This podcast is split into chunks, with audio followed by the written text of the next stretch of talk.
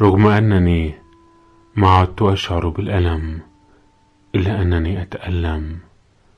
مثلا ليدي التي تتابع ألمها لوحدها كأن أحدهم كأن أحدهم قطع الكهرباء بيني وبين أعضائي.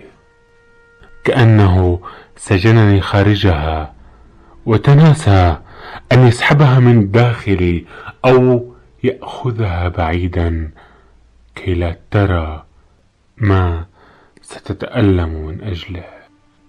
لا أتحجر وأنا هنا منذ عشرين عاما. لا تتحجر يدي وعيني وروحي.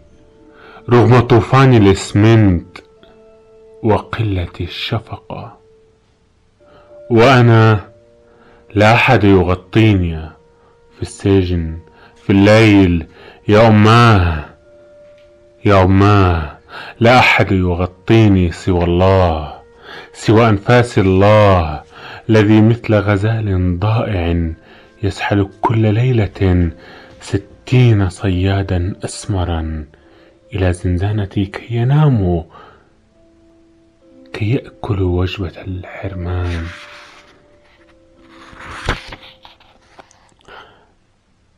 فتحوا جفوني بالملاقة والسكاكين.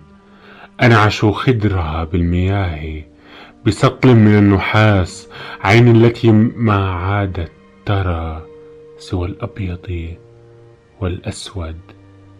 مثل عين بدائية مثل عين مهجورة إلا أنني لأنني كنت أرضى. كان ذلك كفاف رؤيتي. فكنت أرضى بالأجزاء الأخيرة والمتروكة من الحياة الأخيرة والمتروكة مثل شخص صلب قلبه أمام البحر كي يتأكد من صيحات الغرقى إلا أن ذلك في الحقيقة كان كافيا. وفي النهاية كي نربت أنا وعيني على كتفي بعضنا. أتألم. أتألم لهذه اليد البريئة وهي تتقيح وهي تفوح برائحة الكبريت وهي تتفسخ كمجرى نهر مخنوق بجثث مثقلة بحجارة الأمل. أتألم لهذه اليد البريئة وهي لا تستطيع أن ترد الأذى. أتألم وهي لا تفهم معنى الأذى. مثل طفل خائف أطلقوه في الليل لوحده في الغابة.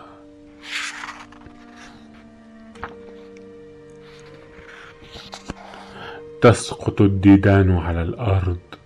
الديدان الصغيرة والسريعة لجروح كبيرة.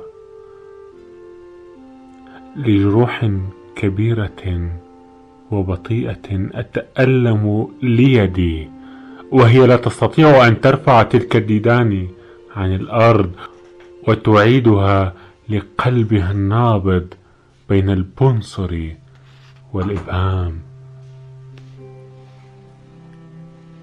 لا أرى ألمها في مكاني الكريه ولا أعرفه لكنني لكنني أتألم لألمها الكبير كأن أحدهم شغل فيلما أخيرا ليدي التي ذهبت كي تتعلم وحدها.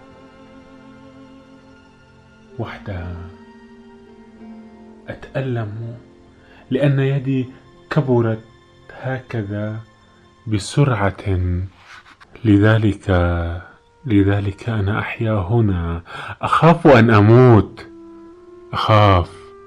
وتبقى يدي تتعذب وتتفسخ عني.